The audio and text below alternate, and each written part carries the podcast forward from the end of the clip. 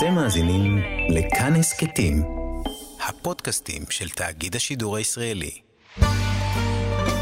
חברותה עם ידידיה תנעמי, והערב לימוד משותף עם הרב יוני לביא.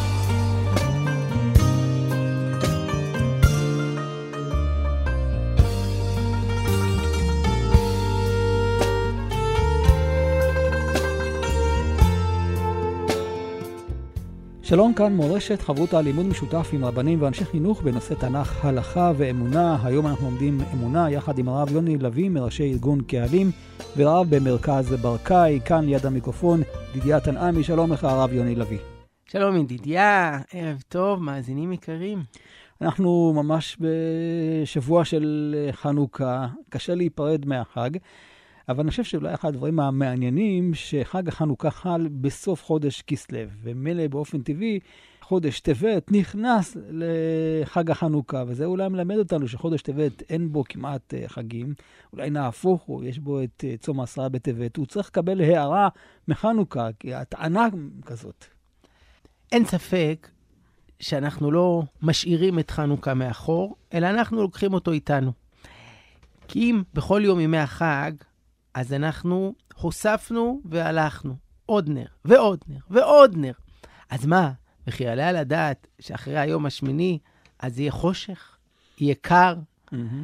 בוודאי שאנחנו ממשיכים את האור לנר התשיעי והנר העשירי, וגם אם לא רואים את זה בחלון, אבל זה נמצא בלב. למעשה כל יהודי זה סוג של נר שדולק. איך אומר הפסוק? נר השם, נשמת אדם. והתפקיד שלנו זה לקחת את האור של חנוכה ולהאיר הלאה. ואנחנו מאמינים שניסים זה לא רק כשים סוף נקרא לשניים. ניסים זה כששמש זורחת בשמיים, וכל יום זה נס, וכל אדם זה נס. לא אשכח, הלכתי ברחוב, ראיתי אישה הולכת עם עגלה ותינוק, ועל החולצה שלו היה מודפס כיתוב. היה רשום שם, נס גדול, אני פה. יפה. אהבתי. כי כל תינוק זה נס, וכל אדם וכל יום. ואמרת נכון, חודש טבת אין בו חגים, אבל האור הזה של חנוכה ילך איתנו בעזרת השם גם הלאה אל תוך החורף. יש דבר מאוד מעניין, המקבילה הזאת של פרשת השבוע לחג החנוכה. כל הסיפור של יוסף זה בסביבות אה, אזור חנוכה. וזה גם אה, מלמד אותנו, כמו שאולי החשמונאים לא התייאשו, היה להם חלום להגיע בסופו של דבר אל המקדש ולהדליק את המנורה. הם למדו את זה מיוסף, מיוסף שהיה לו חלומות, הוא לא מתייאש, הוא נזרק לבור, נזרק לבור של מצרים, ובסוף קם ומגשים את החלומות. בוודאי ש... העובדה שבכל שנה אנחנו קוראים את הסיפור על יוסף ואחיו במקביל לחנוכה, היא איננה מקרית. אז הצבעת, ידידי, על קווי דמיון מסוימים. אני אוסיף על כך שיוסף, האחים חשדו בו שהוא סוג של מתייוון. Mm. הוא מסלסל בשערו, הוא, הוא שייך לאיזה תרבות אחרת. בסופו של דבר, מתברר שפח השמן הטהור נמצא אצלו. וגם כשהוא נמצא במצרים, במקום ששם מטמאים את כל השמנים, הוא מצליח לשמור על הטהרה שלו, ומתברר שבעל החלומות, הוא לא רק יודע לחלום, אלא הוא גם יודע להגשים. ויוסף הוא זה שנכנס אל תוך מצרים עם כל החומרנות שבה, ועם כל ההתעסקות בעניינים של העולם הזה, ובתוך זה הוא מביא את האמונה שלו ואת הצדקות שלו, ושם הוא מדליק את האור הזה שהולך ומאיר מפח השמן הטהור שבו. ולכן הוא נקרא בכינוי שכולנו יוסף, דווקא יוסף הצדיק? כן, כי כדי להיות מסוגל לחיות בתוך העולם הזה, עם כל הפיתויים שלו ועם כל הניסיונות, חייבים את הצדקות הזאת. ואצל יוסף אה, מאוד בולטת האמונה הגדולה שמלווה אותו בכל צעד ושעל, האמונה של הצדיק. צדיק באמונתו יחיה. תראה איך הוא עומד שם מול אותה אישה מצרית, ואומר לה, איך אעשה הרעה הגדולה הזאת וחטאתי לאלוהים? אבל היא, מה מעניין אותה? זה מצרית, היא מנסה לפתות, אבל יוסף מלא אמונה. והוא אומר לה, גם אם כביכול רק את ואני פה, אף אחד לא רואה, אבל אלוקים רואה. וזה ממשיך בבור הכלא. הוא אומר לשר המשקים ושר האופים, הלא לאלוקים פתרונים ספרו נא לי. וזה ממשיך כשהוא עומד לפני פרעה. כשמלך מצרים אומר לו, שמעתי שאתה יודע לפתור חלומות. לכאורה פה יוסף, הייתה לו הזדמנות פז להגיד, ברור, הגעת אל הבן אדם הנכון, יוסף חלומות בעם, בוא ספר, אני אפתור לך. ותשמע, ידידיה, יוסף אומר לו משפט שלכאורה עלול להפיל את כל מה שהוא השיג הרגע. הוא אומר לו, בלעדיי, אלוהים יענה את שלום פרעה. שנייה, מה זה בלעדיי? איתי! אתה רוצה לצאת מהכלא? אבל יוסף, זה לא מן השפה ולחוץ, הוא לגמרי מאמין שאלוקים איתו ומוביל אותו, והכל זה חלק מתוכנית גדולה. ואני רק אוסיף שזה מדבק. כי פרעה, שנייה אחרי זה, אה, אומר, הנמצא כזה איש אשר רוח אלוהים בו? זה יפה איך האיש שעד היום סיפר לכולם שהוא אלוהים, mm-hmm. פתאום מתחיל בעקבות יוסף להאמין בעצמו באלוהים. איזה יופי, ואני חושב שאולי זאת השאלה הגדולה ששאל אה, יעקב את האחים כשהם מספרים לו שיוסף נמצא במצרים. אז הוא שואל, העוד יוסף חי? סיפרו לו שיוסף חי, אז מה השאלה כאן? אלא הוא שואל, באמת, האם יוסף עדיין באותה חיות כפי שהוא עזב אותי? ועל זה השמחה הגדולה, שמיתתו שלמה, כמו שחז"ל אומרים, לא הכוונה רק שכל הבנים mm-hmm. חיים, הכוונה היא שהם מחוברים, שכולם יכולים להכריז, שמע ישראל, אתה שומע אבא? השם אלוקינו, mm-hmm. השם אחד. אנחנו הולכים בדרך שהתווית לנו, אנחנו ממשיכים עם האמונה שאתה השרשת בתוכנו, וכשיעקב רואה את כל זה, אז הוא אומר, טוב, עכשיו אני יכול למות בשלווה, כי אני יודע שהצלחתי להעביר את הלפיד של האמונה אל הדור הבא. אני לא רוצה להשוות בין האחים, כל אחד יש לו את המעלה שלו, אבל רואים כאן את אה, יהודה שתופס אה, מנהיגות, תופס אה, אחריות, ובסופו של דבר גם יעקב שולח אותו ראשונה למצרים להורות לפניו. כלומר שיהודה תפס כאן את התפקיד של הבכורה. ההשוואה בין יוסף ליהודה היא מעניינת, כיוון שלמרות שהגיבור של כל הפרשות האלה, וישב, מקץ, ויגש, ויחי, זה יוסף, בסופו של דבר, דווקא יהודה הוא השבט שממנו יוצאת המלכות, דווקא הוא זה שלוקח את ההנהגה. למעשה, כולנו היום קרואים יהודים, נכון. דווקא על שם יהודה ולא על שם יוסף. זאת למרות שבתחילת הסיפור, יהודה דווקא מתגלה בהצעה שלו, שלא נראה טוב, מה בצע כי נהרוג את אחינו וכיסינו את דמו, נמכרנו לישמעאלים. מין חישוב תועלתני כזה, מה יצא לנו מלהשאיר אותו בבור? לפחות נרוויח על זה קצת כסף, נמכור אותו. האם אפשר להתרומם מבור שכזה? והתשובה חיובית, כי אנחנו רואים שיהודה הולך ומשתנה, הולך ומתקן.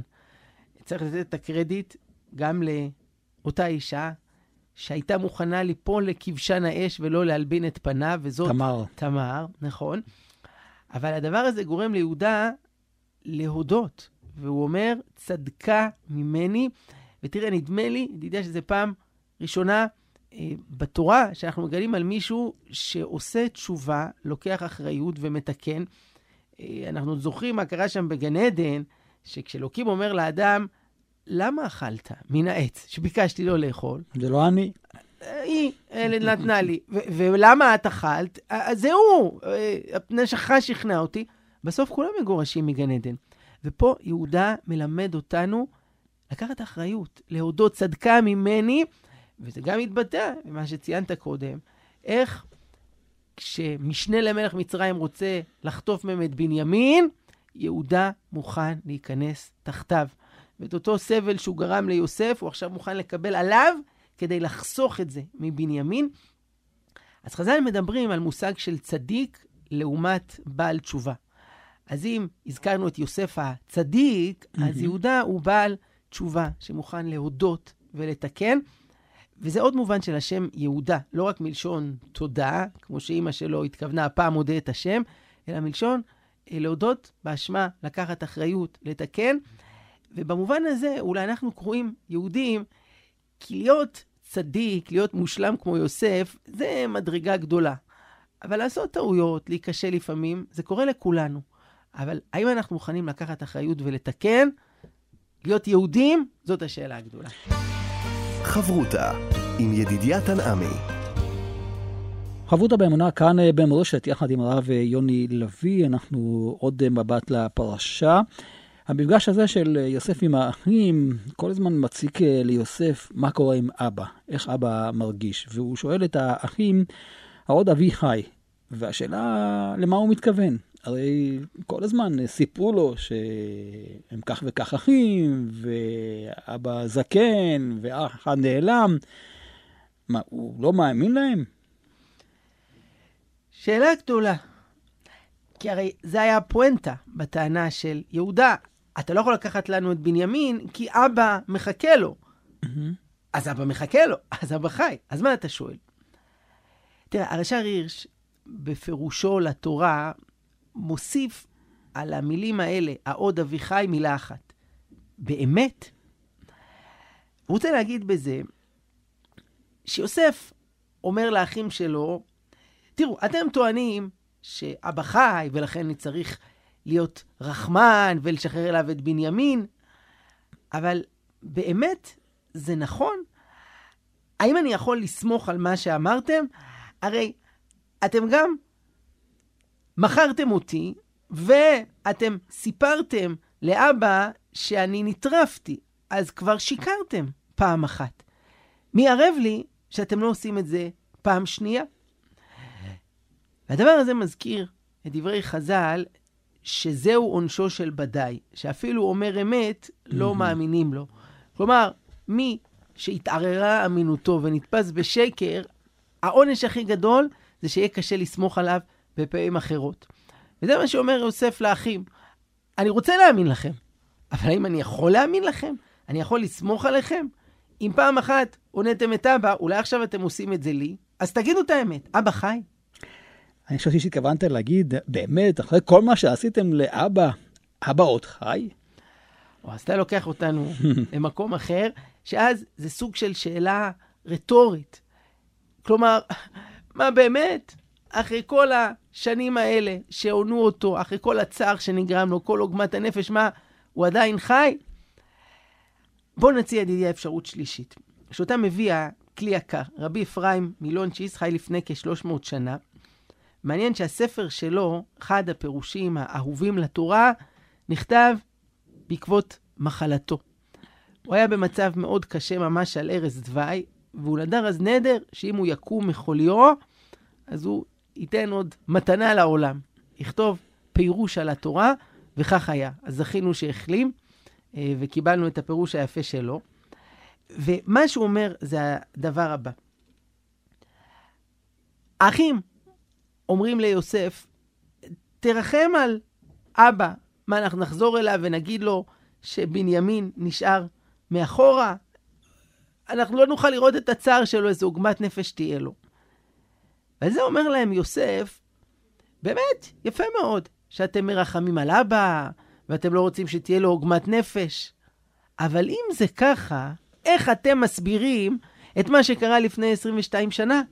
שאז באתם אליו ושיקרתם לו במצח נחושה שהבן העובד איננו, וגרמתם לו צער עצום כל השנים האלה, לא גיליתם לו את האמת. אם כל כך אכפת לכם עכשיו מאבא, למה אז לא היה אכפת לכם מאבא? למה אז לא חסתם עליו? עכשיו, חשוב לי להבהיר, אנחנו לא באים פה אה, לשפוט את האחים אה, קטונו, כשאנחנו עוסקים בגדולי וצדיקי התנ"ך. אבל כן, מה חז"ל וחכמי ישראל רצו ללמד אותנו, וזו תופעה מאוד מצויה, שאנשים, יש להם תירוצים, יש להם mm-hmm. צידוקים, הם יודעים להסביר מצוין למה הם לא עושים פה ולמה לא הלכו לשם. הדרך לנטרל את זה, זה לעמת את האדם עם עצמו.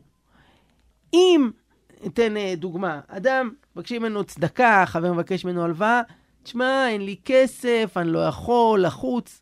אבל רגע, אם אין לך כסף, איך זה שאתה השנה גם שדרגת את הטלוויזיה בסלון מ-32 אינץ' ל-72 אינץ', ואתה היית פעמיים בחו"ל והחלפת רכב ואתה... בגלל זה אין לו כסף.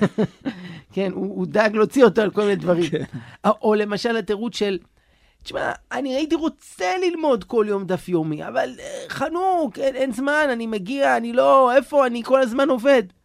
אבל היי, והשעתיים שאתה יושב מול המסך בערב, ועוד Mhm. שעה עם העיתון וכולי, אז דווקא כן יש זמן. אז אולי השאלה רק איך לחלק אותו בצורה יותר נכונה. זה מה שאומר יוסף לאחים, וזה בעיקר לימוד גדול בשבילנו. כל פעם שבן אדם אומר איזה תירוץ, שיחשוב האם זה יעמוד במבחן הביקורת מול עצמו. בכל המקומות האחרים, ששם זה לא בדיוק מסתדר. אולי זאת התשובה שיוסף אומר להם, אני יוסף. תתבוננו על עצמכם. כלומר, כמו שאני יוסף, כל הזמן בחנתי את עצמי ובדקתי איך אני לפי האמת שלי, גם אתם, תתבוננו על עצמכם, תהיו אמיתיים. ייתכן, המילים האלה, אני יוסף, בואו נגיד שאם היינו צריכים לתת פרס בתנ"ך לרגע המהפכני ביותר, המטלטל, הדרמטי, יש מצב מהמם. ששתי המילים האלה היו זוכות בפרס. בשנייה אחת הם הפילו את האסימונים לאחים, פתאום הם קלטו בעצם מה קרה פה בכל החודשים אה, האחרונים. ואומרים בעלי המוסר, שיום אחד, כשבן אדם יעלה לשמיים, יעמוד מול הקדוש ברוך הוא, אז הוא ישמע שם את המילים, לא אני יוסף, אלא אני השם. וזה הרגע שיפלו לו כל הסימונים, והכל יהיה ברור, כל מובן. ייחשפו כל המסווי שקר, ותתברר האמת. והשאלה הגדולה, אה, מה בן אדם ירגיש ברגע הזה? האם הוא יעמוד אה, בכבוד, יהיה לו אה, את הזכות לעמוד כראוי לפני הקדוש ברוך הוא, או שברגע הזה, כשיחשפו כל המניעים וכל ההתחמקויות וכל הדברים, זה רגע מביך מאוד, אה, כמו שאנחנו רואים אצל האחים. הרי מה כתוב שם? ולא יכלו אחיו לענות אותו, כי נבהלו מפניו. ברגע שהם קלטו, זה יוסף, שאנחנו מכרנו אותו וגרמנו לו כזה צער, ולאבא וכל השנים, לא היה להם מילים. מקווה שלנו יהיה מילים בבוא היום, ובשביל זה, בן אדם צריך עכשיו לעשות את חשבון הנפש, לחיות נכון, אם יש מה שצריך לתקן, ואז כשיגיע הרגע, אז לא נחשוש לעמוד אה, מול הקדוש ברוך הוא ולשמוע את האמת כמו שהיא. חברותה עם ידידיה תנעמי. חברותה באמונה כאן אה, במורשת, ואנחנו אה, לדמותו של הרב חיים מאיר אה, דרוקמן, זכר צדיק אה, לברכה. הרב יוני, הכרת את הרב, פגשת אותו, ואני חושב שכל אחד אה, מאיתנו שהכיר את הרב דרוקמן, ידע שזה רב ששייך לכולם. אני לא זכיתי להיות מתלמידיו הקרובים ממש, אבל אני חושב שאין כמעט אחד שלא זכה לפגוש אותו, לשמוע אותו, לקרוא מספריו. וראו בהלוויה שלו את המנעד העצום של האנשים מכל קצוות הציבור, החילוני והדתי, ובתוך הציבור הדתי, את הגוונים Mhm. השונים. היה בו משהו של כלל ישראל. השם של הביוגרפיה שלו היא הנני, שזה הנכונות הזאת לשים את עצמי בצד ולהסתכל על עם ישראל. מה צריך, איפה חסר, ולהיות מוכן להיות במקום הזה. ואחד הדברים אולי שבאמת ייחדו אותו, שהוא התייחס לכל אחד ואחד באותה רמה. זה לא משנה אם זה תלמיד אה, פונה אליו, קומונרית, או שהוא אה, באותו רגע יכול גם להתקשר לרמטכ"ל, לדבר עם ראש הממשלה. יש סיפורים בלי סוף של אנשים שאומרים איך הוא התעניין והתקשר וטרח להגיע ובדק אחרי זה שהכל אה, מסתדר. מהמם. ממש עם כל העומס העצום שלו, זה דבר שקשה להאמין. אה, סיפרה לי מישהי שהיא ובעלה, הם היו אז זוג צעיר באותם הימים, אה, חצי שנה אחרי החתונה, והתגלה ביניהם ויכוח בשאלה איפה עושים את הסדר. אתה מכיר ידידי הוויכוח המסורתי, אצל הקבוע. ההורים שלו או את ההורים שלה. והוויכוח עלה לטונים גבוהים ונהיה כעס וברוגז, ולא לא הצליחו להגיע להסכמות. אמרו, מה נעשה? אז בואו נלך לרב. הבחור היה תלמיד בישיבת אור עציון, ושניהם מאוד העריכו את הרב דרוקמן. אז באו אל הרב, ושטחו בפניו, הבחור מסביר בלהט למה חייבים לעשות דווקא אצל ההורים שלו, כי בדיוק השנה כל האחים לא נמצאים, וההורים שלו יישארו לבד. ו... והיא אומרת, לא, צריך להיות אצל ההורים שלי. בגלל... הרב דרוקמן שמע אותם, ואמר להם, אני יכול לבקש מכם משהו? אמרו, כן, מה הרב אה, מבקש? אמר להם, בואו, תחזרו בבקשה שוב על מה שאמרתם, אבל הפוך. אני מבקש שאת Hmm. תסבירי למה נכון לעשות את הסדר אצל ההורים שלך. ו- ואתה תסביר את כל השיקולים, למה נכון לעשות אצל ההורים שלה. הם הסתכלו זה על זו במבטים תמוהים. נו מה, אנחנו כבר יודעים את זה, אנחנו אמרנו, שמענו את זה אלף פעמים, למה לחזור על זה עוד פעם הפוך? מה זה נותן? אבל הרב ביקש, אז אה, חזרו. והוא מסביר עכשיו בפירוט למה עדיף לעשות דווקא אצל ההורים שלה, והיא אומרת למה נכון לעשות אצל ההורים שלו. והם סיימו לשטוח את הטענות ההפוכות, ואז הרב אומר להם, טוב, עכשיו אני הולך להכין לנו קפה, ואתם תחשבו בינתיים ביצירתיות, אז מה אפשר לעשות? הרב יצא מהחדר, והם הרגישו שהאנרגיות השתנו. ההיפוך תפקידים הזה ממש שם אותם במקום אחר. וכשהרב חזר אחרי שלוש דקות עם הקפה, הם הצליחו למצוא איזה נוסחה, איך הם יחלקו בשנים הבאות, שפה זה, וזה יהיה בחג ראשון, ובכל המועד יבואו ככה, נמצא פתרון. אז זה סיפור אחד מבין אה, אלפים. אבל הוא מאפיין את הגישה של הרב, כי אני חושב שאחד הדברים של הרב זה בעצמו, כן? הוא קודם כל הקשיב. כל פעם שבא אליו מישהו ודיבר איתו, קודם כל הוא הקשיב. הוא לא מיד ענה תשובה, הייתה לו סבלנות ארוכה. וזה בדיוק מה שהוא ביקש ללמד את הזוג הזה. תקשיבו אחד לשני. ברגע שאתם מקשיבים, הבעיות נפתרות. נדמה לי שיש הבדל בין לשמוע לבין להקשיב. נכון. אנשים יכולים להתווכח שעה, הם שמעו את הצעקות מהמם. זה על זה, לפעמים הם ממש שותקים כשהשני מדבר, רק אתה מכיר את זה, זה סוג של לשתוק עד שאתה כבר תגמור, ואז אני אגיד את האמת, את מה שנכון. זאת לא הקשבה אמיתית. ומה שהוא עשה בהיפוך התפקידים, זה לעזור להם להיכנס אחד לנעליים של אה, בן הזוג, ומאותו רגע, אז כבר הדרך לפתרון היא הרבה יותר קצרה. פשוטה. בסופו של דבר, אנשים אחים אנחנו, ופה זה כבר בני זוג, ואנחנו אוהבים אחד את השנייה, אז הפתרון הטכני זה כבר הבעיה הפשוטה. דבר נוסף שאפיין את הרב זה ראיית הטוב. המשפט הידוע של הרב קוק, שהצדיקים הטהורים הם לא קובלים על הרשעה ועל הבערות ועל הכפירה, אלא הם רק עסוקים בלהוסיף טוב, היה מאוד בולט אצלו. המבט שמסתכל על המציאות וכל הזמן מתכוונן על הצד המאיר שבה. ואני אשתף בחוויה אחת, אה, זה היה לפני 20 שנה. אה, הגענו אל הרב בתקופה שהוא היה חבר כנסת, וזה היה קצת אחרי שהוקם מוקד חברים מקשיבים אה, לנוער, ורצינו תמיכה ממשלתית, דרך לקבל תקציבים, אז אמרנו, או, אולי הרב דרוקמן יעזור לנו. נקבע לנו איתו פגישה במשכן הכנסת ל-20 דקות.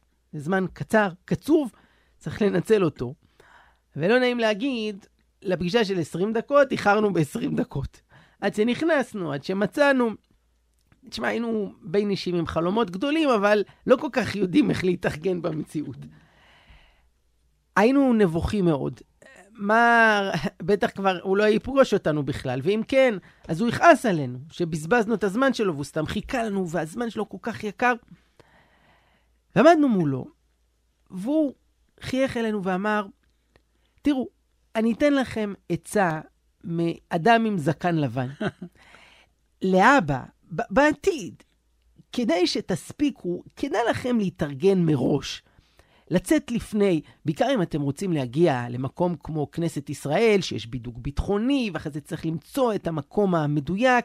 זה, זה לא ביקורת, אה, חלילה, פשוט בשביל העתיד, כדי שתספיקו את כל מה שאתם רוצים, שווה לכם להתארגן מראש. אבא טוב. תשמע, לגמרי, זה, זה היה, אני חושב, הביקורת הכי עדינה ומתוקה שקיבלתי בחיים שלי. היה ברור שהוא יגיד משהו, כי בתור מחנך בנשמתו, הוא צריך להתייחס למה שקרה, ללמד אותנו. אבל זאת השאלה, האם זה יהיה בצורה של נזיפה, של כעס, או עצה לעתיד. ותשמע, למדנו מזה לקח 20 שנה אחרי זה כמעט, אז יצא לי פעם נוספת לפגוש אותו פנים אל פנים, הזמינו אותי לראיין אותו לרגל הוצאת הפירוש שלו על מסכת אבות, ותקשיב, הגעתי לפני הזמן. הפנמתי את המסר גם בלי שהיה צריך לתת אותו בנזיפה.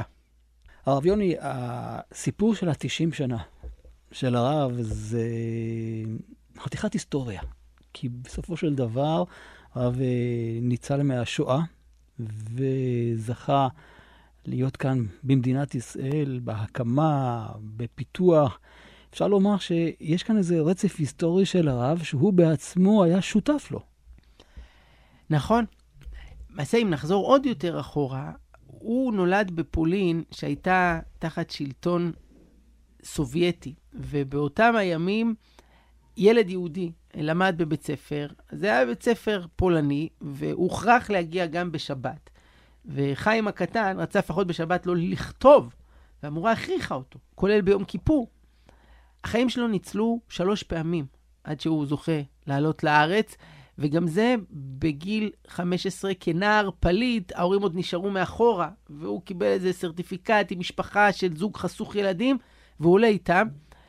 ותראה, האדם הזה שיצא מהאפלה של הגלות ומגיע לארץ ישראל, רותם את כל הכוחות שלו לבניין של השלב החדש בחיים של עם ישראל. והוא דיבר על זה לא פעם. אני עוד באתי מהדור שכבר חשב שזה הסוף. ועכשיו, ברוך השם, אנחנו רואים איך הכל פורח ומאיר ומשגשג ומלבלב. היה לפני שנה, בחנוכה, אירוע הדלקה בישיבה. ושרו שם במאוד צור את המילים המפורסמות, והרב עצר את כולם והעיר שצריך להחליף מילה. מחבר השיר אומר, כי ארכה לה השעה ואין קץ לימי הרעה. כלומר, הרעה היא, היא לא נגמרת, היא אינסופית. והרב אמר, למה אין קץ? יש קץ. אנחנו רואים שימי הרעה נגמרו, ועכשיו עם ישראל זוכה לתשועה ולהצלחה. בואו נשאיר עכשיו ביחד, יש קץ לימי הרעה. אפשר למצוא ברשת את הסרטון הזה, ורואים איך כל הישיבה שרה איתו ביחד, ויש קץ לימי הרעה. אז זה היה האיש שבא מתוך האפלה של הגלות אל האור של הגאולה, ובעצמו קרא הנני. והיה מאלה שהובילו בכל הכוח, ומשאיר לנו אה, אחריות גדולה. תראה, הוא הסתלק מאיתנו בנר אחרון. חנוכה. של חנוכה, נכון, היום שבו האור מגיע לשיאו, והנר שלו קבע, אבל האור שהוא השאיר אחריו, והמורשת, והשליחות, ועכשיו שכל אחד יגיד, הנני, ואיך אני מוסיף עוד אור לאור הגדול של עם ישראל שמאיר בארצו בדור הגאולה. חברותה עם ידידיה תנעמי. חברותה כאן אה, במורשת, חברותה באמונה יחד עם הרב יוני לביא, אנחנו לקראת אה, סיום. עוד אה, רעיון שייתן לנו השראה.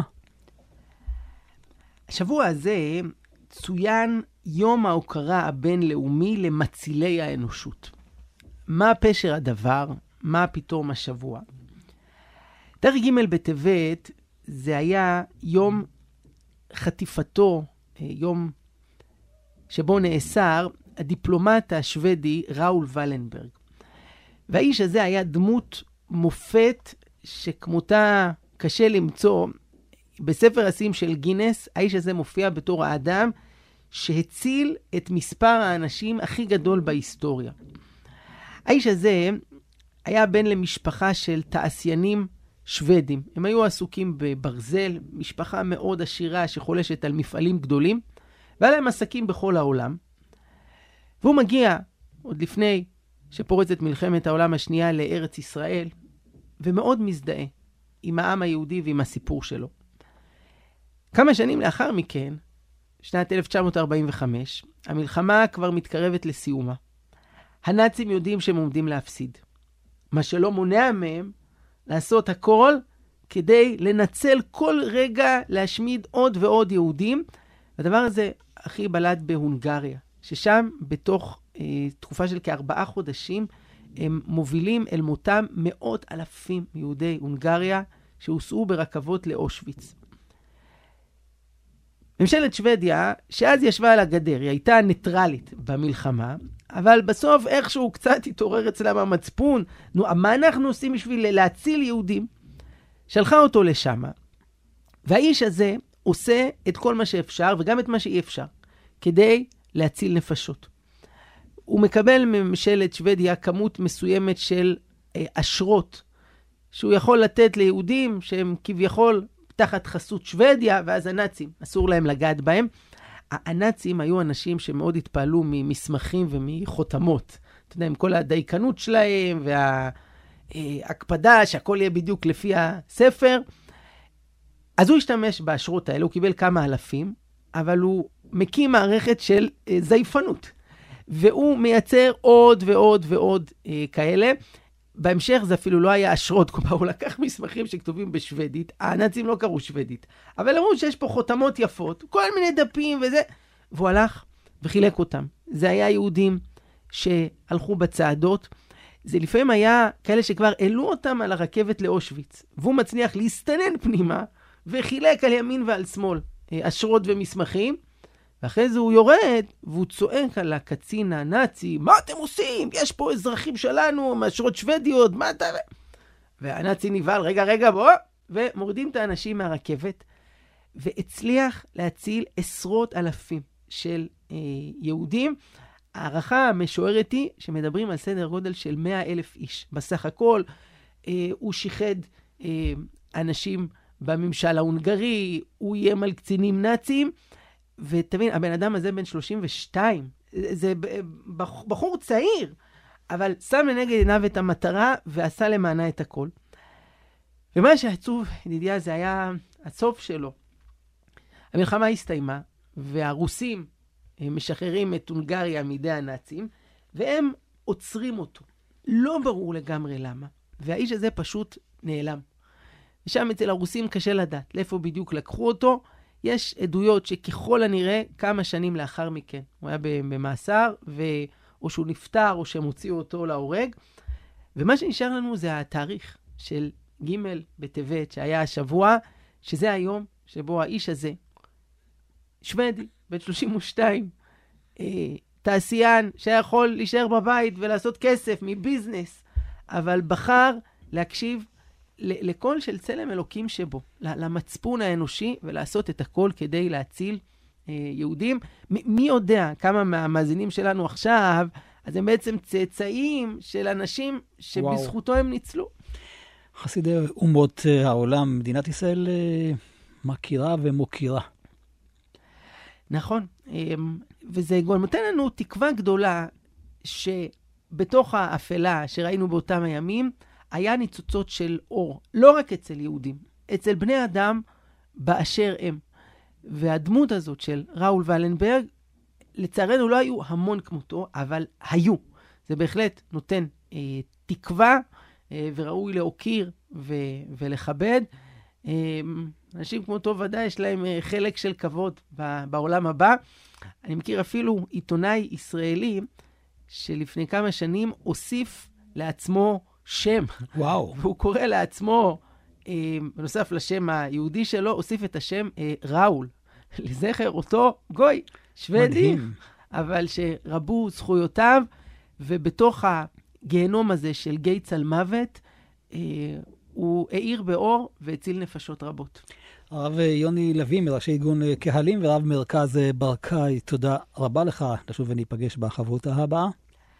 תודה ידידיה, תודה לכם, מאזינים יקרים שהייתם איתנו, ברכת השם עליכם, להתראות. ולתוכנית הזאת ושאר התוכניות אפשר אה, להקשיב באתר כאן אה, מורשת ובשאר יישומי ההסכתים, כאן ידידיה תנעמי. אתם מאזינים לכאן הסכתים, הפודקאסטים של תאגיד השידור הישראלי.